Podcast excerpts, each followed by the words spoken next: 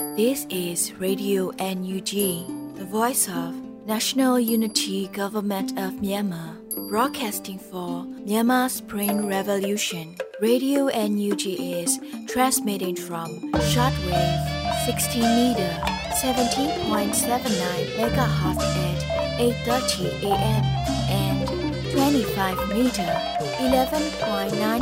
megahertz at 8:30 p.m. Myanmar Standard Time. မင်္ဂလာပါရှင်အမျိုးသားညီညွတ်ရေးအစိုးရရဲ့အတန်လွတ်ဌာန Radio NUG ကိုမန္တပိုင်း၈နိုင်ခွဲမှာလိုင်းတူ6မီတာ19.3ခွန်ကုန်းမဂါဟတ်စ်နဲ့ညပိုင်း၈နိုင်ခွဲမှာလိုင်းတူ25မီတာ17.3ကိုလီမဂါဟတ်စ်တို့မှာဓာတ်ရိုက်ဖမ်းယူနားဆင်နိုင်ပါပြီရှင်မင်္ဂလာအပေါင်းနဲ့ကြည့်ကြကြပါစို့အခုချိန်ကစပြီး Radio NUG စီစဉ်လေးကိုဓာတ်ရိုက်အတန်နဲ့ပြင်နေပါပြီ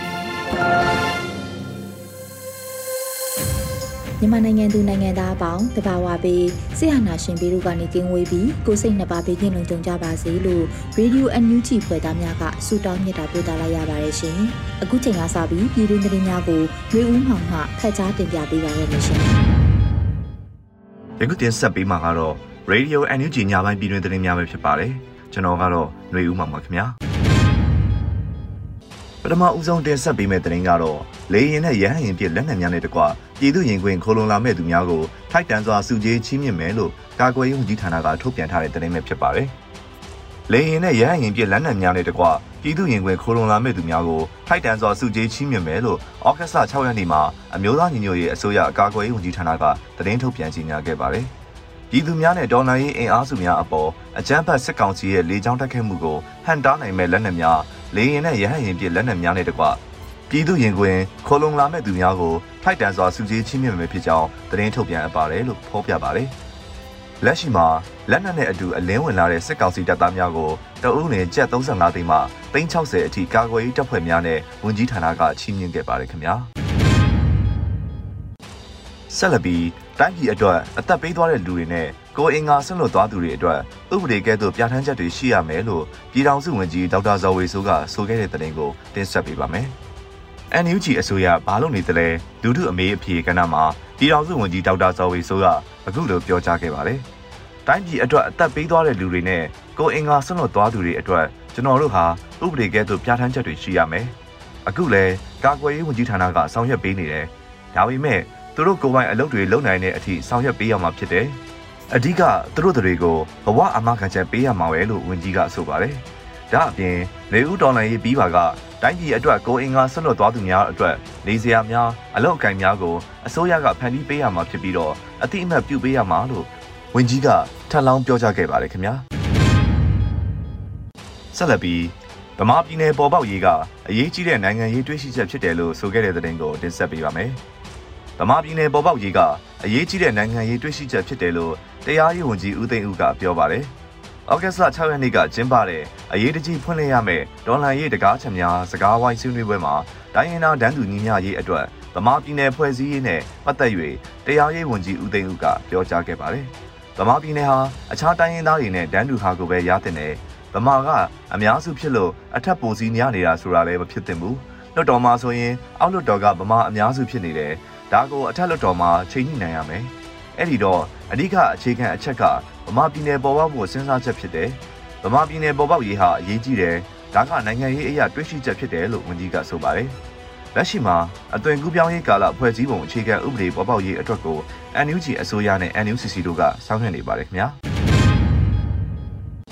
ဆက်လက်ပြီးစကိုင်းတိုင်းရေးမပင်ခရိုင်ပလဲနယ်နဲ့စကိုင်းနယ်များမှာပြည်သူ့ကာကွယ်ရေးတပ်ဖွဲ့များလွတ်လပ်စွာသွားလာနေနိုင်ပြီးအထိုင်ချစစ်ကောင်စီတပ်စခန်းအနေငယ်သာကျန်တော့တယ်လို့ဘုံနဂါးကသိပေးတဲ့သတင်းကိုတင်ဆက်ပေးပါမယ်။တော်လန်ရေးအခြေအနေနဲ့ပတ်သက်လို့မြမတော်ဝင်နဂါးတက်တော်မှဘုံနဂါးကအငိမ့်နဲ့တွေ့ဆုံနေမြရမှာအခုလိုပြောကြားခဲ့ပါတယ်။စကိုင်းမှာကလက်နက်ကင်ပြီးကျွန်တော်တို့တွေလွတ်လွတ်လပ်လပ်သွားနိုင်ပြီ။ဒီလိုပြောလို့အပြည့်အဝလွတ်မြောက်နေမည်လားဆိုတာတော့မဟုတ်သေးဘူး။သို့တော့ ရင်းမပင်ခရိုင်ပလဲနယ်နဲ့စကိုင်းဆိုတာအားလုံးစုံမိုးထားနိုင်ပြီးစစ်ကောင်စီတပ်ကသူတို့အထိုင်ချထားတဲ့စခန်းကလွဲရင်သူတို့စခန်းနဲ့ပိန်နဲ့သတ်မှတ်လို့ရတယ်။ကိုင်းနဲ့သတ်မှတ်လို့ရတယ်။ကိုင်းနဲ့သတ်မှတ်လို့ရတယ်လို့ဆိုပါတယ်။စစစ်ကောင်စီတပ်များစုံမနိုင်ခြင်းမရှိတော့တဲ့ရွာတိုင်းမှာပြည်သူ့အုပ်ချုပ်ရေးအဖွဲ့အစည်းများဖွဲ့စည်းပြီးပြီဖြစ်ကပညာရေး၊ကျန်းမာရေး၊အုပ်ချုပ်ရေးလုပ်ငန်းများလဲပတ်နေတယ်လို့ဘုံနဂါကဆိုပါတယ်ခင်ဗျာ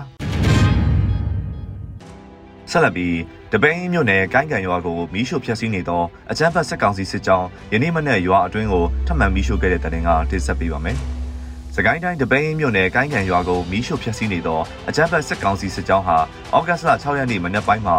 ကိုင်းကန်ရွာအတွင်းပိုင်းကိုပါထပ်မံမီးရှို့နေတယ်လို့တပိန်းမြို့နယ်ပြည်သူ့အုပ်ချုပ်ရေးအဖွဲ့ကဆိုပါတယ်။ကိုင်းကန်ရွာကိုမီးရှို့ဖျက်ဆီးနေသောအကြမ်းဖက်စစ်ကောင်စီစစ်ကြောင်းသည်ယနေ့မနက်9:30မှစ၍ကိုင်းကန်ရွာအတွင်းထပ်မံမီးရှို့က နောက်ချန်အင်အားအချမ်းသားပြီးအင်အားတရာခန့်ကမကြီးအုပ်ကျေးရွာအနီး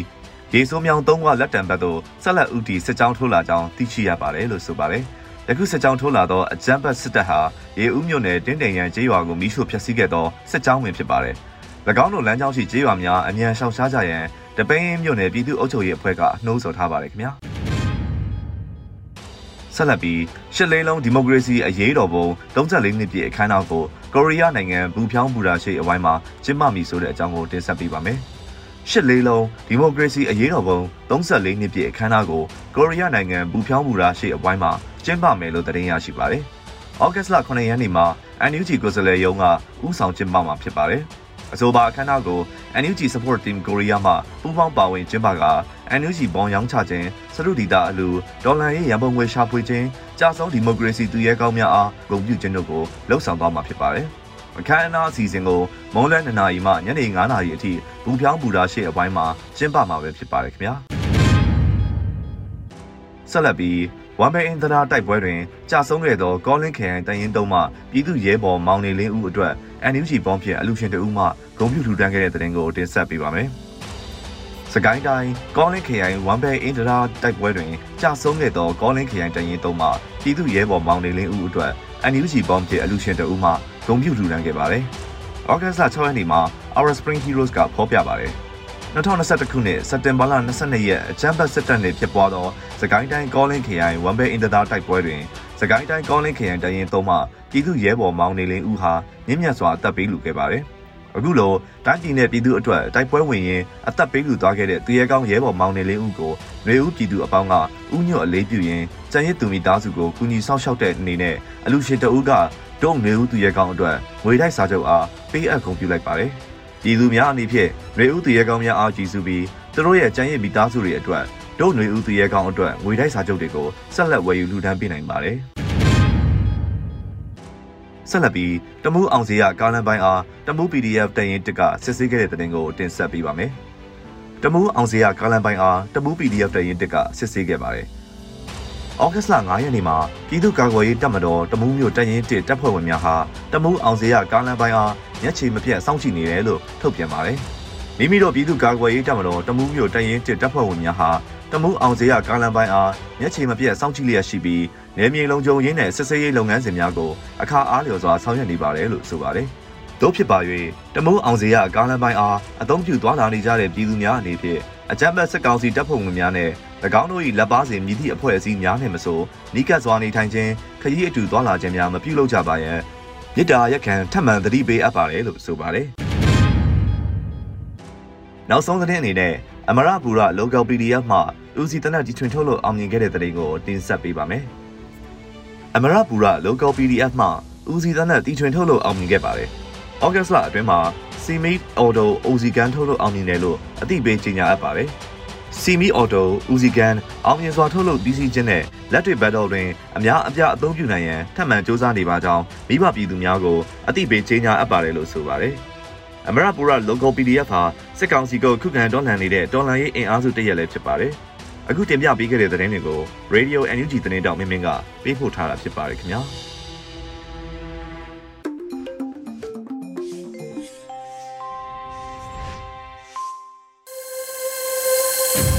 ရေဒီယိုအန်ယူဂျီမှာဆက်လက်တင်ပြနေပါတယ်။အခုဆက်လက်ပြီးနားဆင်ကြရမှာကတော့တော်လှန်ရေးကြပြအနေနဲ့နေသွင်းနိုင်ရေးသားပြီးမိဖောက်လူလင်ထံမှပေးပို့သောအယိုးပြများလို့အမည်ရတဲ့တော်လှန်ရေးကြပြကိုရန်နိုင်မှရွတ်ဆိုပေးထားပါရဲ့ရှင်။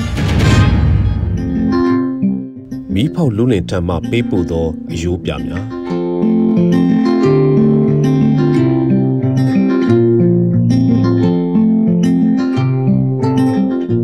စာတိုက်ဖွဲ့နေတဲ့ဘုံတွေကတောရဲနဲ့တောင်ရဲနဲ့လိပ်စာအားလုံးနဲ့သက်ဆိုင်လို့ပြည်သူဥယျာဉ်မှာဖွင့်ဖောက်ဖတ်လိုက်တယ်မိဖို့သမားများဟာ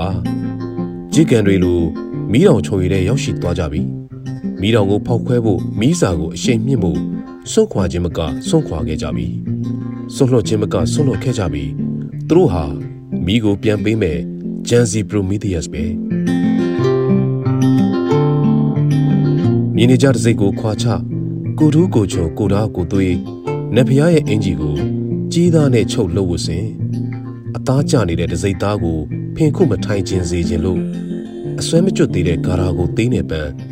ချွေးနဲ့သွေးနဲ့တွေစွန့်ကျစ်ထားတဲ့အသားစာတွေကနေမိနဲ့ဖျားကိုပူဇော်သလိုကြည်သားကိုပတ်သသွေးဆုပ်ဖို့ကောင်ရဲ့ဇီဝင်ကိုချွတ်ချဖို့မီးဖောက်သမားလူလင်ရဲ့လက်ကိုရွှေ့ချပါလေတော်တွေကဖြစ်ဖြစ် ဈေးခွက်တွေကဖြစ်ဖြစ်ကောက်ဆိုင်သမားတွေရဲ့ချွေးကန်တွေကဖြစ်ဖြစ်ဘယ်တောင်စားရဲ့ခွက်ဆုပ်တွေကဖြစ်ဖြစ်ဖြစ်ဖြစ်မြည်နေတဲ့လမောင်းသားတွေကဖြစ်ဖြစ်မြင်နေကြတဲ့စိတ်ကိုဆွဲနှုတ်မြေးလန်းဇွန်ဘီတွေရဲ့ခြေမျက်စိကနေနှစ်ဖူးထိဖောက်ထွက်သွားနိုင်တဲ့မော်ဝင်တကားရဲ့တော့ချက်ဟာအရေးကြီးပြီစစ်ထွက်ဖို့အချိန်ကြပြီညီကိုတို့တကယ်တော့နောက်တောင်ကြနေပြီရဲဘော်ကြီးသေမင်းရဲ့မိတိုင်မှာ ငါတို့လင်းချင်းရန်သူမြင်းကိုကြိုက်ခဲပြီးနိုင်ငံတော်သစ်ကိုယုံတင်ဖို့ကြောက်သားကိုညှစ်ချနေရတယ်လို့ဆောက်ဆန်အကြောင်းပြောနေရတာနဲ့သိနိုင်တယ်မနှက်ပြန်ရဲ့လွင်မျောနေတဲ့ဒစိမ့်နဲ့ဘာမှမရေရာခြင်းကော်ဖီချစ်သူရဲ့ဇင်းနဲ့ပန်းချံရဲ့တော်ရကမဖွင့်နိုင်ခင်အသက်စီပါဒုံခါနှုံးအသေးရှင်တန်မှုဝင်ရိုခန်းချောင်းနေတဲ့ကဘာမိစားကိုနှင်ဖို့တေးသွားကိုဘာလို့ရက်တန့်ပြစ်မှာလဲဝင်းနေကြဘောင်းမီကိုမို့သွားနေကြလမ်းကိုမသွား စိုးနေကြသချင်းကိုမစိုးကောသလမင်းရဲ့အိမ်မက်ထဲငရဲသားသစ်လိုအစီဝနေတဲ့အတ္တမသမားနာမည်ကြီးဘာနမိတ်မှမပြနဲ့ဘာအိမ်မက်မှမပေးနဲ့ကျွန်းတန်တာလန်အောင်အမှောင်သားနဲ့ချုပ်မြေရှို့ခံရတဲ့တရားဓမ္မကြောပြင်ကိုနာကျင်ပါ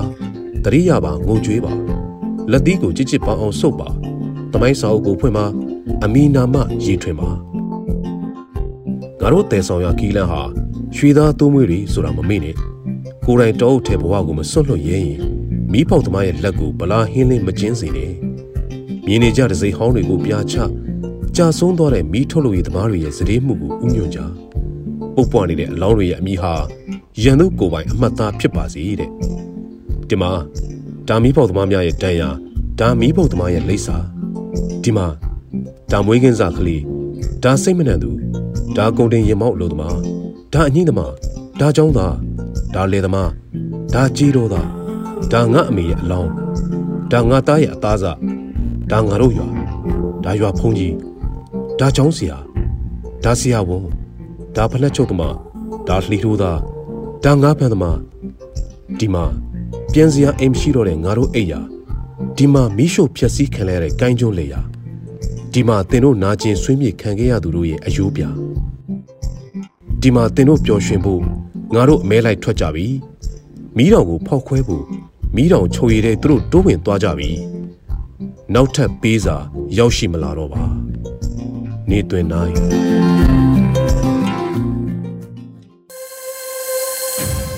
အခုဆက်လက်ပြီး CDN တအူးရဲ့ဘဝဖြတ်တန်းမှုအပိုင်း34ကိုနှွေဦးမိုင်မှမင်းမြန်းတင်ဆက်ထားတာကိုနားဆင်ကြရမှာဖြစ်ပါတယ်ရှင်။ င်္ဂလာပါရှင်ပထမဆုံးအနေနဲ့အမတာဝန်ထမ်းဆောင်ခဲ့တဲ့ဌာနနဲ့ဘလို့ကြောင့်စီဒီအမ်ပါဝင်ဖြစ်ခဲ့ရလဲဆိုတာကိုသိပြစေရှင်အားလုံးပဲမင်္ဂလာပါကျွန်မကျမကြီးဌာနမှာအလုပ်လုပ်ခဲ့တာလုပ်သက်၈နှစ်ရှိပါပြီအာနာသိမ့်ပြီးပြီးကျမပေါ့နော်သမင်းဟင်းအောင်မစားနိုင်လောက်အောင်လေးရက်လောက်ဖြစ်ခဲ့တယ်အဲ့ဒီချိန်မှာအလုပ်လုပ်နေရတာကိုလည်းလုံးဝစိတ်မပါတော့ဘူး ဘာလို့ရင်ကောင်းမလဲပဲချိန်လုံးတွေးနေခဲ့တာပါအဲ့ဒီချိန်မှာ CDM ဆိုတဲ့လှုပ်ရှားမှုတွေပေါ့နော် Facebook ပေါ်မှာစပြန့်နေပြီကိုတငယ်ချင်းတွေကလည်းပဲ CDM လုပ်နေကြပြီဆိုပြီးတော့လာပြောကြတယ်မလုတ်ခင်တုန်းကတော့လူနာတွေအတွက်စဉ်းစားပြီးတော့ခြီတုံချတုံဖြစ်နေခဲ့ပါသေးတယ်။ဒီချိန်ထဲမှာပဲ CDN လုတ်ဖို့ဆိုတာငါတို့တာဝန်ပဲငါတို့လုံးမဖြစ်မှာပဲဆိုပြီးတော့ဆုံးဖြတ်ချက်ချပြီးတော့စလုတ်ဖြစ်ခဲ့တာပါဟုတ်ကဲ့ပါမ အမကအဲ့လိုစီဒီအမ်ပါဝင်ဖြစ်ခဲ့ပြီးနောက်ပိုင်းမှာဘယ်လိုမျိုးအခက်အခဲတွေ PR တွေကိုရင်ဆိုင်ခဲ့ရပါလဲဒါလေးကိုလည်းဆက်ပြီးပြောပြပေးပါအောင်ရှင်อืมခက်ခဲတွေရှိလားဆိုတော့ခက်ခဲတွေကတော့ရှိပါတယ် CDM မလုပ်ခင်ကတည်းကဟိုဌာနမှာ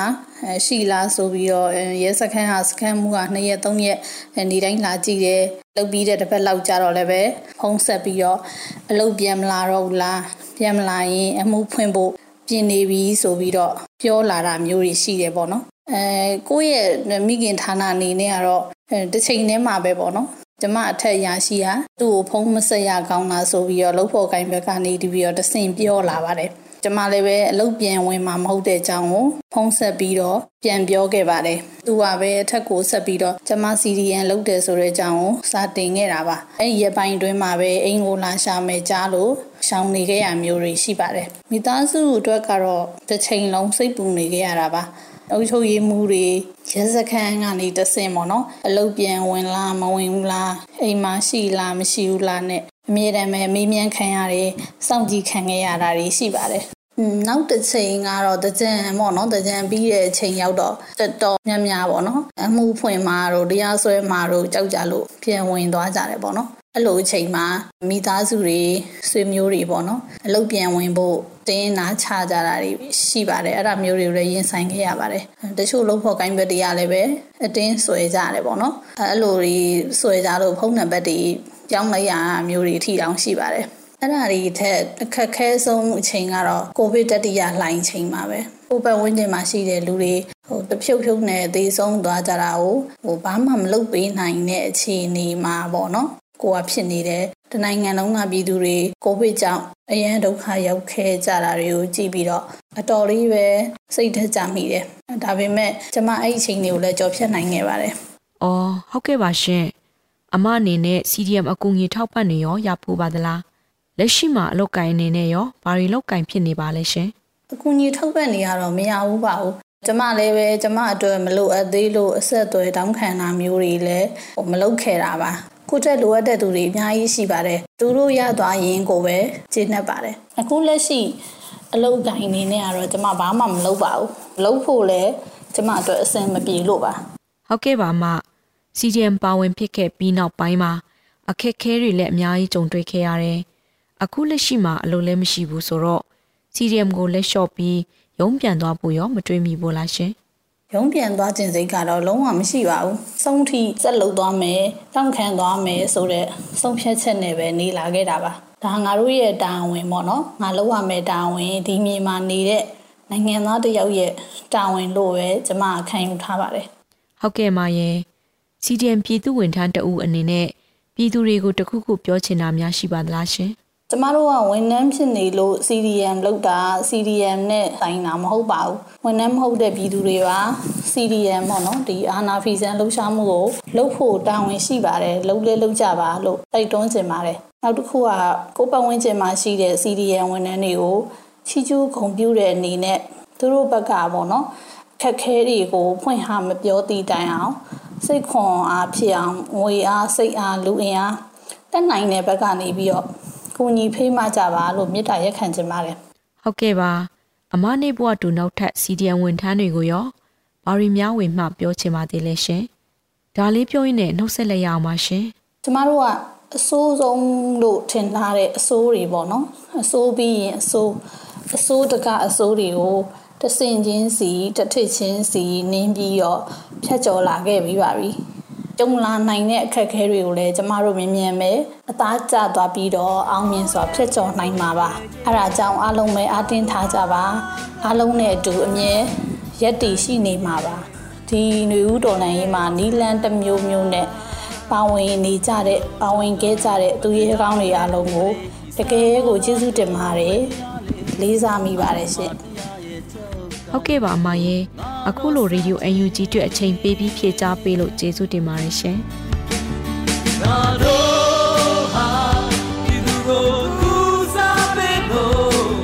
အာနာယူလိုဝေနာကူ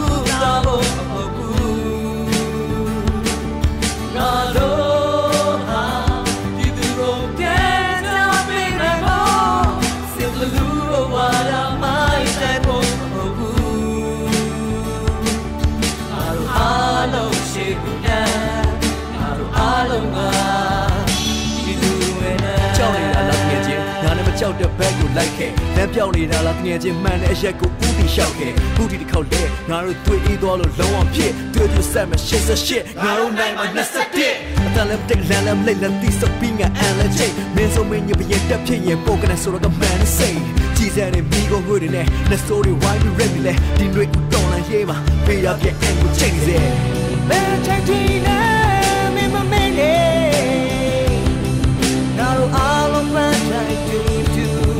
မရမချေလူတွေပေါ်မလဲမ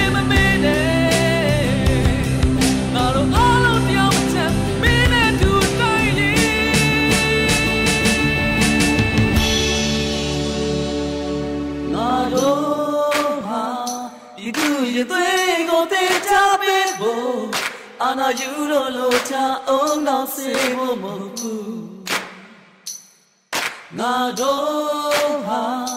တိုင်းပြည်တည်ဆောက်ကြဖို့စစ်ဘလူးလို့ချုပ်တောင်ခိုင်ရအောင်လို့ဖို့မဟုတ်ဘူးငါတို့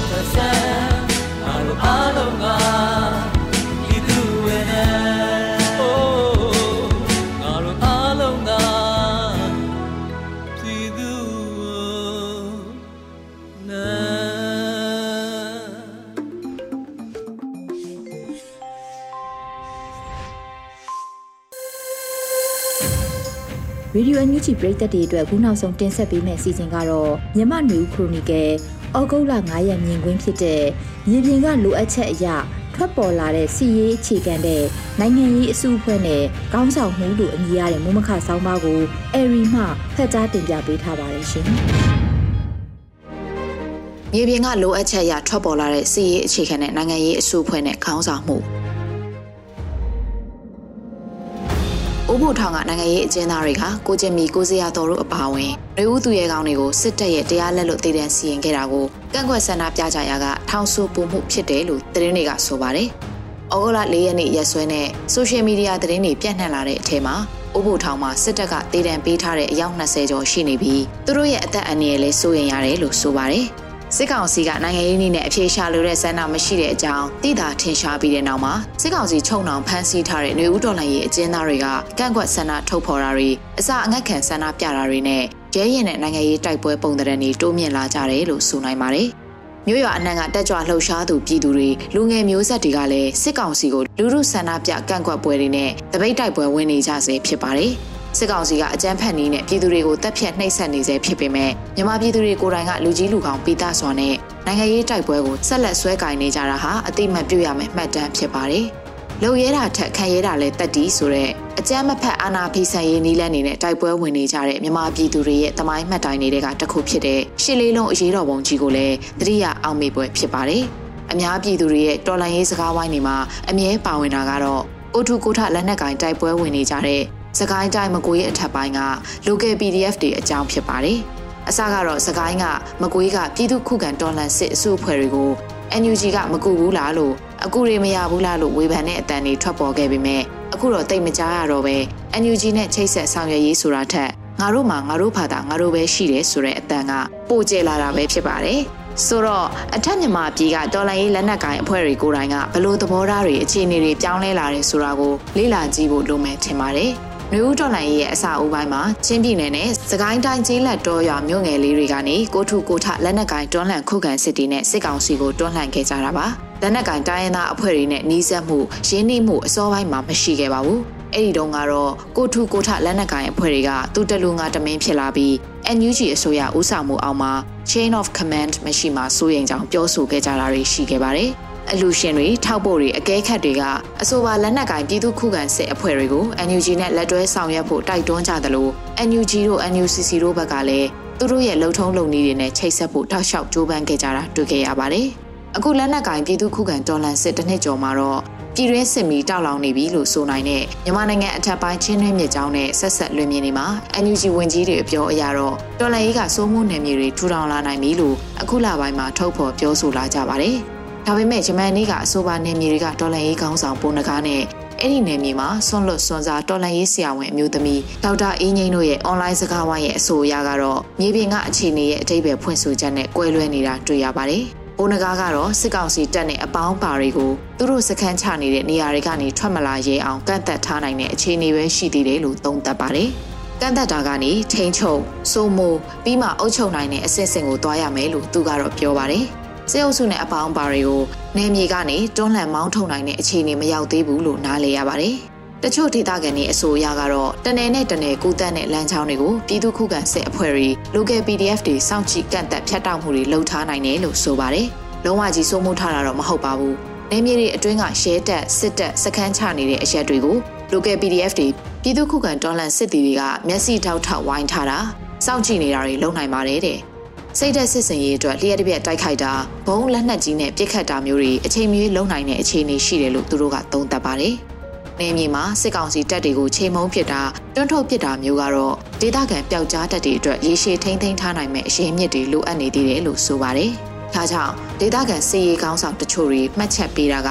NUG ဘက်ကအဆက်မပြတ်တဲ့ဆက်ဆံရေးနဲ့ဆွေးနွေးတိုင်ပင်မှုတွေလိုအပ်တယ်ထူထောင်ထားတဲ့လို့ပြောကြပါတယ်။ နေဆက်ဒေတာကသတင်းတွေရဲ့အဆိုကတော့အထက်ပါနယ်မြေတွေမှာ NUG ရဲ့ပကဖတွေပအဖတွေနဲ့အုပ်ချုပ်ရေးကာကွယ်ရေးလုံခြုံရေးတွေပြင်ဆင်ချိတ်ဆက်ဖွဲ့စည်းဆောင်ရွက်ကြပြီလို့ဆိုပါတယ်။ NUG ရဲ့ကာကွယ်ရေးဝန်ကြီးဌာနလက်ညွှန်ချက်တွေနဲ့အညီတရင်တပ်ဖွဲ့တွေဖွဲ့စည်းပြီးလက်နက်တပ်ဆင်လေ့ကျင့်စစ်ဗျူဟာတွေဆင်နွှဲနေတယ်လို့ခန့်မှန်းပြောဆိုကြပါတယ်။နယ်မြေချင်းထိစပ်နေတဲ့တိုင်းသားလက်နက်ကိုင်အစုဖွဲ့တွေထံကလည်းလက်တွဲဆောင်ရွက်မှုတွေရှိနေတယ်လို့လည်းဆိုကြပါတယ်။ Federal ပညာရေး policy နဲ့ အဝေးတင်ကျောင်းတွေအနီးကပ်ကျောင်းတွေဖွင့်လှစ်တင် जा ပေးနေကြပြီလို့လည်းဖတ်ရှုရပါတယ်။ဒါပေမဲ့ဘိုးနဂါနဲ့အငိမ့်တို့ရဲ့အင်တာဗျူးပြောစကားအခြေခံအရပြောရမယ်ဆိုရင်ပြည်သူ့အုပ်ချုပ်ရေးအဖွဲ့များဆိုတာဟာဒေသခံတွေရဲ့ပြည်သူ့အုပ်ချုပ်ရေးအဖွဲ့တွေလို့ဆိုနိုင်ပြီး NUG နဲ့ဓာတ်ရိုက်ဆက်ဆက်မှုရှိတဲ့နယ်မြေတွေလည်းပါဝင်ကောင်းပါဝင်နိုင်တယ်လို့မှတ်ယူရပါမယ်။ ဘိုးနဂါရဲ့မှတ်ချက်တစ်ခုထဲမှာ NUG အစိုးရနဲ့ချိတ်ဆက်ဆောင်ရွက်မှုတွေ NUG ရဲ့အသိမှတ်ပြုမှုတွေလိုနေသေးတယ်လို့ပြောသွားပါတယ်။ဒီတော့စကိုင်းတိုင်းရင်းမပင်ခရိုင်ပလဲမြို့နယ်နဲ့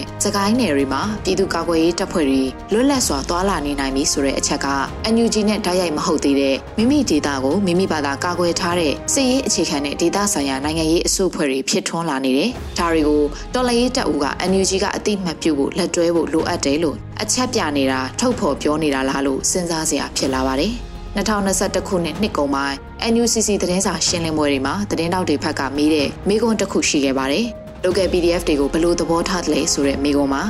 အဲဒီတော့က local PDF တွေဟာ NUG ကာကွယ်ရေးဝန်ကြီးဌာနရဲ့တရင်တပ်ဖွဲ့တွေအဖြစ်ချိတ်ဆက်ဖွဲ့စည်းရမယ် chain of command နဲ့မှရှိရမယ်လို့ရှင်းပုံရဖြေကြားခဲ့ကြပါတယ်။ မိခွန်းရဲ့နောက်ရည်ရွယ်ချက်တစ်ခုကတော့ local PDF တွေရဲ့စုဖွဲ့မှုဥဆောင်မှုတွေကိုလက်နက်ကင်စုဖွဲ့မှုအပြင်နိုင်ငံရေးအစုဖွဲ့တစ်ခု unit တစ်ခုဖြစ်သတ်မှတ်ဖို့သဘောထားဖို့ညှော်လင့်ထားတာရှိသလားဆိုတဲ့မိခွန်းဖြစ်ပါတယ်။အဲ့ဒီတော့ကလည်းနိုင်ငံရေး unit တစ်ခုဖြစ်သတ်မှတ်ဖို့စောကောင်းစောခဲ့မှာဖြစ်ပေမဲ့အခုချိန်မှာတော့ဖြင့်စစ်ရေးအခြေခံတဲ့နိုင်ငံရေးအစုဖွဲ့အသစ်တွေဖြစ်စဉ်းစားကောင်းစဉ်းစားရမယ့်အခြေအနေရှိလာပြီထင်ပါတယ်။ မြေပြင်ကစီးရေးခေါင်းဆောင်တွေကိုယ်တိုင်ကနိုင်ငံရေးခေါင်းဆောင်တစ်တွေအဖြစ်အသွင်ကူးပြောင်းလာကြသလိုပြည်သူနဲ့အတူရက်တီတိုက်ပွဲဝင်နေတဲ့မြေပြင်ပေါ်ကဓာတ်ရိုက်နိုင်ငံရေးခေါင်းဆောင်တွေရဲ့အတန်နဲ့ခန်းကဏ္ဍကိုလည်းအလေးမူလာကြဖို့အချိန်တွေအချက်ပြမှုတွေကိုတွေ့နေရပြီလို့ရေးသားလိုက်ရပါတယ်ဒီကနေ့ကတော့ဒီညနေပဲ Radio NUG ရဲ့အစီအစဉ်လေးကိုခေတ္တရ延လိုက်ပါမယ်ရှင်မြန်မာစံတော်ချိန်မနေ့၈နိုင်ခွဲနဲ့ည ၈နိုင်ခွဲအချိန်တွေမှာပြောင်းလဲဆိုပြကြပါလို့ရှင် Radio NUG ကိုမနေ့ပိုင်း၈နိုင်ခွဲမှာလိုင်းတူ16မီတာ19.7ခုခုမဂါဟတ်နဲ့ညပိုင်း၈နိုင်ခွဲမှာလိုင်းတူ25မီတာ17.6မဂါဟတ်တို့မှာဓာတ်ရိုက်ဖမ်းယူနားဆင်နိုင်ပါပြီရှင်မြန်မာနိုင်ငံသူနိုင်ငံသားများကိုစိတ်နှဖျားစမ်းမချမ်းသာလို့ဘေးကင်းလုံခြုံကြပါစေလို့ Radio NUG ရဲ့ဖွဲ့သူဖွဲ့သားများကဆုတောင်းလိုက်ရပါတယ်။ San Francisco Bay Area အခြေဆိုင်မြန်မာမိသားစုများနိုင်ငံတကာကစေတနာရှင်များလိုအားပေးများရဲ့ Radio NUG ဖြစ်ပါတယ်ရှင်။အရေးတော်ပုံအောင်ရမည်။